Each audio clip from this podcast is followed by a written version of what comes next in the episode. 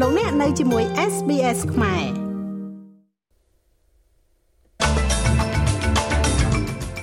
លោកសាស្ត្រាចារ្យ Sean Turnell ត្រូវបានដោះលែងចេញពីពន្ធនាគារមីយ៉ាម៉ាហើយវិលត្រឡប់មកដល់អូស្ត្រាលីវិញហើយមានការប្រមានសុខភាពនៅក្នុងរដ្ឋ Victoria បន្ទាប់ពីអ្នកដំណើរដែលវិលត្រឡប់មកវិញកើតជំងឺកញ្ជ្រឹលប្រធានាធិបតីប៉ូឡូញអះអាងជាថ្មីថាការផ្ទុះគ្រាប់មីស៊ីលនៅក្នុងប្រទេសរបស់លោកគឺជាឧបទ្ទវហេតុដែលកើតឡើងដោយចៃដន្យ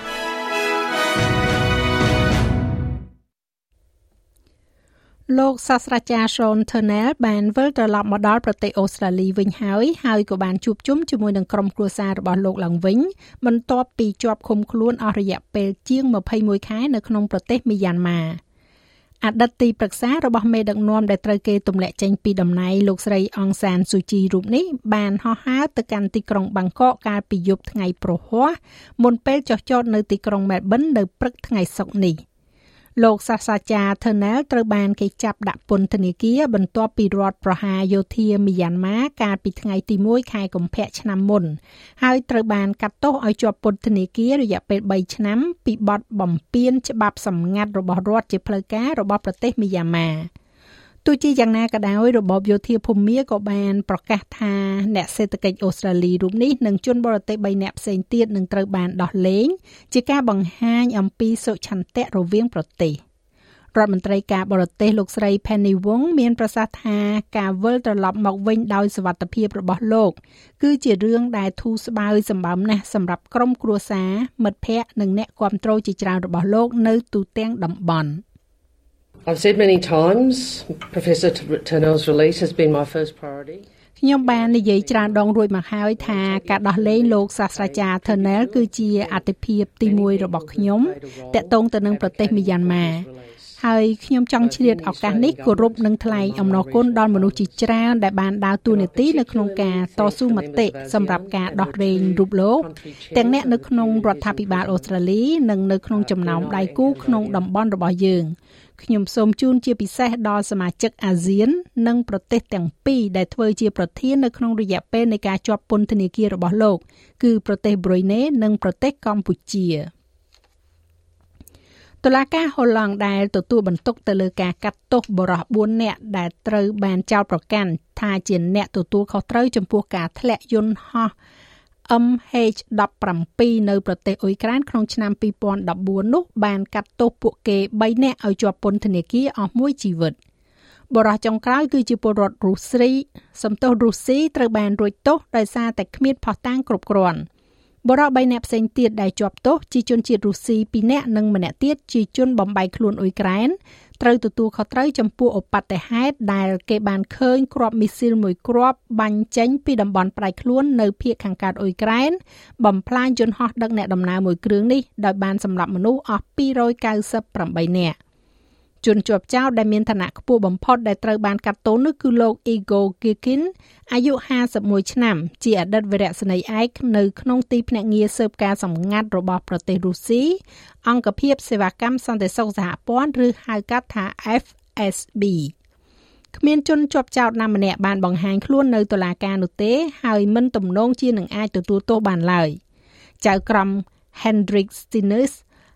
និយាយថាវាគឺជាទង្វើដោយចេតនា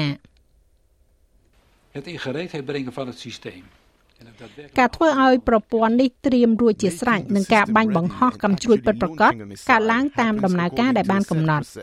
វាមានជំហានជាច្រើនដែលមានន័យថា missile book មិនអាចត្រូវបានគេបាញ់ដោយកំហុសឆ្គងឬក៏ស្ថិតក្នុងកម្ដៅនៃពេលវេលានោះទេ វាត្រូវតែមានការគិតគូរម៉ត់ចត់យោងទៅតាមនីតិវិធីដែលបានកំណត់ដោយផ្អែកទៅលើតម្រូវការបច្ចេកទេសរបស់វាដូច្នេះហើយតុលាការសន្និដ្ឋានថាកំជ្រួចនេះត្រូវបានបាញ់ចំគោលដៅរបស់ខ្លួនដោយចេតនារដ្ឋមន្ត្រីការបរទេសអូស្ត្រាលីលោកស្រី Penny Wong បានស្វាគមន៍ចំពោះសារក្រមរបស់តុលាការហូឡង់នេះមកលើរឿងក្តីយន្តហោះ MH17 នៅក្នុងសន្និសីទកាសែតដ៏រំជួលចិត្តមួយកាលពីព្រឹកមិញ។ This is the longest trial in Dutch criminal history. នេះគឺជាការកាត់ទោសដ៏វែងបំផុតនៅក្នុងប្រវត្តិសាស្ត្រឧក្រិដ្ឋកម្មរបស់ប្រទេសហូឡង់វាបានចាប់ផ្ដើមជិត1000ថ្ងៃមុន ហើយថ្ងៃនេះវាបានផ្ដល់នូវយុត្តិធម៌និងបានប្រគល់នូវការពិតលោកស្រីក៏បានសម្ដែងនៅការគោរពចំពោះអ្នកចំនួនមុនរបស់លោកស្រីគឺលោកស្រី Julie Bishop នៅក្នុងការបង្ហាញអំពីភាពជាដៃគូលើបញ្ហានេះ Can also thank Julie Bishop who was ខ្ញុំសូមថ្លែងអំណរគុណដល់លោកស្រី Julie Bishop ដែលជារដ្ឋមន្ត្រីការបរទេសនៅពេលនោះខ្ញុំសូមទទួលស្គាល់ការងាររបស់លោកស្រី Julie ការបដិចិត្តផ្ទាល់ខ្លួនរបស់លោកស្រីចំពោះបញ្ហាទាំងនេះនិងការតស៊ូមតិប្រកបទៅដោយប្រសិទ្ធភាពរបស់លោកស្រីក្នុងនាមជាប្រជាជនអូស្ត្រាលីទាំងអស់មនុស្ស298នាក់ដែលជិះនៅលើយន្តហោះនោះត្រូវបានសម្លាប់ទាំងអស់ក្នុងនោះមានជនជាតិអូស្ត្រាលី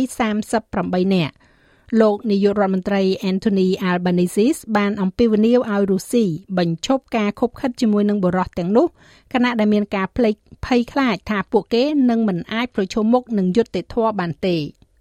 It is good uh, that there's been cooperation between Australia វាគឺជាការល្អដែលមានកិច្ចសហប្រតិបត្តិការរវាងអូស្ត្រាលីនិងហូឡង់កងកម្លាំងសន្តិសុខនិងប៉ូលីស យើងបានឆ្លងកាត់នៅដំណើរការផ្លូវច្បាប់តុលាការនេះហើយយើងសូមអំពាវនាវឲ្យរុស្ស៊ីប្រគល់យុត្តិធម៌ដល់មនុស្សដែលពាក់ព័ន្ធនៅក្នុងរឿងនេះហើយនឹងអ្នកដែលត្រូវបានតុលាការកាត់ទោសដោយកំបាំងមុខផង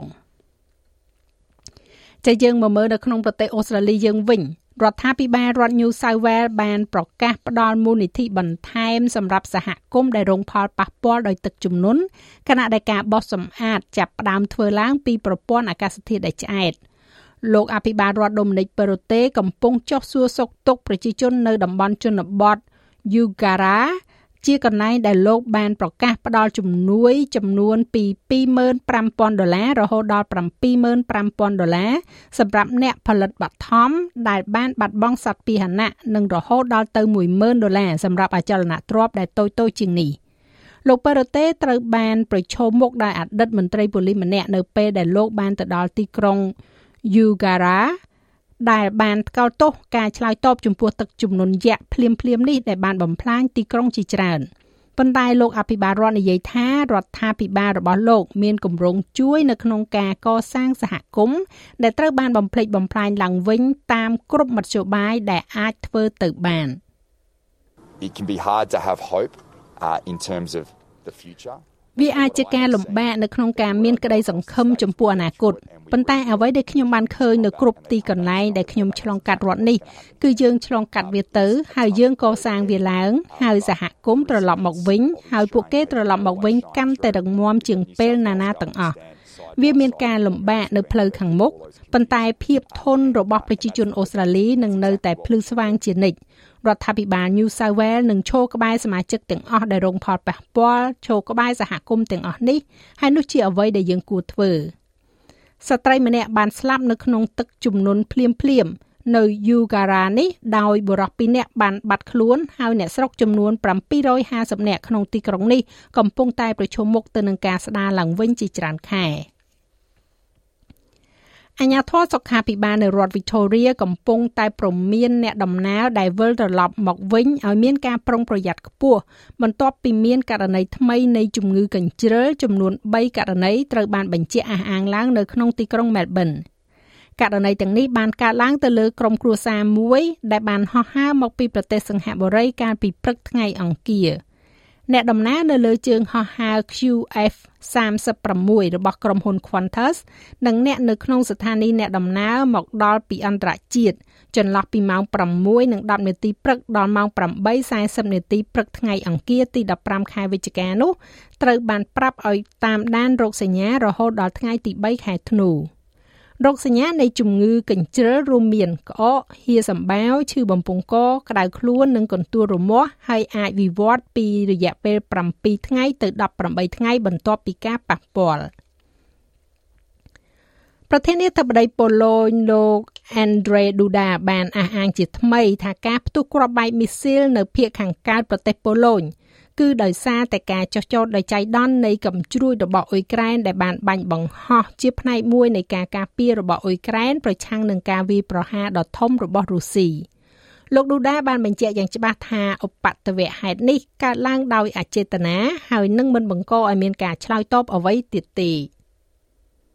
powtarzam jeszcze raz, w naszym przekonaniu i w ខ្ញុំនិយាយម្ដងទៀតតាមគំនិតរបស់យើង និងតាមគំនិតរបស់អ្នកជំនាញរបស់យើង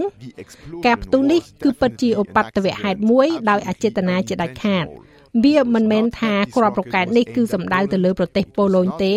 វាមិនមែនថាវាអាចចាត់ទុកថាជាការវាយប្រហារមកលើប្រទេសប៉ូឡូញនោះទេ មានសង្គ្រាមកើតឡើងឆ្លងហួសព្រំដែនរបស់យើងរុស្ស៊ីបានបាញ់កំជួលជាច្រើនរយគ្រាប់ប្រឆាំងទៅនឹងអ៊ុយក្រែនអ៊ុយក្រែនការពារខ្លួនហើយនៅក្នុងសកម្មភាពទាំងនេះជាអកុសលគឺជាអ្វីដែលបានកើតឡើងគ្មាននរណាម្នាក់ចង់ធ្វើឲ្យនរណាម្នាក់ឈឺចាប់នៅក្នុងប្រទេសប៉ូឡូញនោះទេគ្មាននរណាម្នាក់ចង់ធ្វើបាបនរណាម្នាក់នៅក្នុងប្រទេសប៉ូឡូញនោះទេគ្មាននរណាសម្លាប់នរណាទេប្រទេសកម្ពុជារំពឹងថានឹងអាចដកខ្លួនចេញពីបញ្ជីប្រភេទនៃក្រមប្រទេសដែលមានហានិភ័យខាងផ្នែកលាងលុយកខ្វក់នៅដើមឆ្នាំ2023ខាងមុខនេះ លោកឧបនាយករដ្ឋមន្ត្រីសខេងរដ្ឋមន្ត្រីក្រសួងមហាផ្ទៃកាលពីថ្ងៃទី17ខែវិច្ឆិកាម្សិលមិញនេះបានឲ្យដឹងថាគោលនយោបាយរបស់រដ្ឋាភិបាលកម្ពុជា បានខិតខំប្រឹងប្រែងនៅក្នុងការប្រយុទ្ធប្រឆាំងការសម្អាតប្រាក់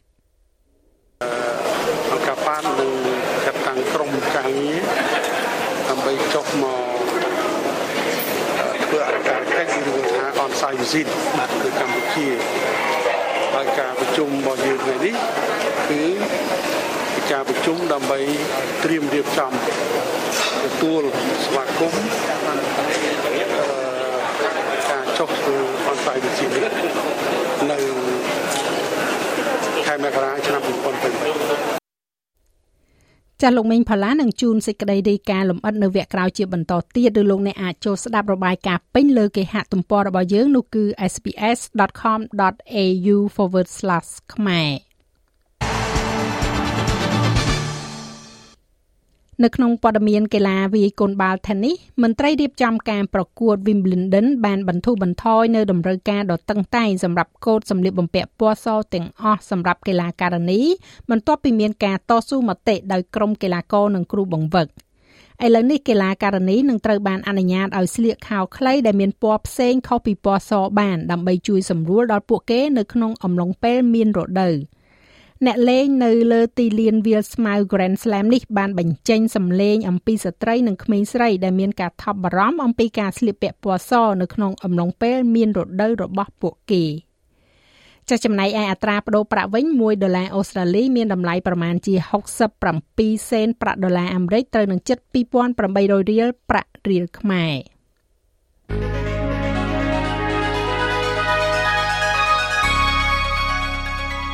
ឥឡូវយើងក៏លេខមកមើលការព្យាករណ៍អាកាសធាតុសម្រាប់ថ្ងៃសៅរ៍ស្អែកនេះវិញទីក្រុងផឺតមានរលឹមបន្តិចបន្តួច20អង្សា មានរលឹមនៅអាដាលេដនិងមានខ្យល់25អង្សា នៅមែលប៊នរលឹមអាចនឹងមានព្យុះ24អង្សាហូបាតរលឹមខ្លាំងឡើង22អង្សា Canberra រលឹមបន្តិចបន្តួចដែរ23អង្សា ទីក្រុង Sydney បើកថ្ងៃ24អង្សាភាគច្រើនបើកថ្ងៃនៅ Brisbane 28អង្សាដូចគ្នានៅ Cairns 33អង្សា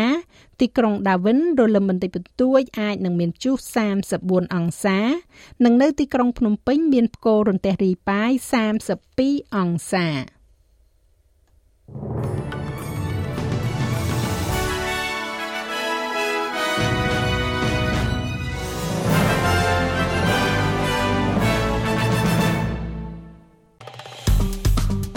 ចុច like share comment និង follow SPS ខ្មែរនៅលើ Facebook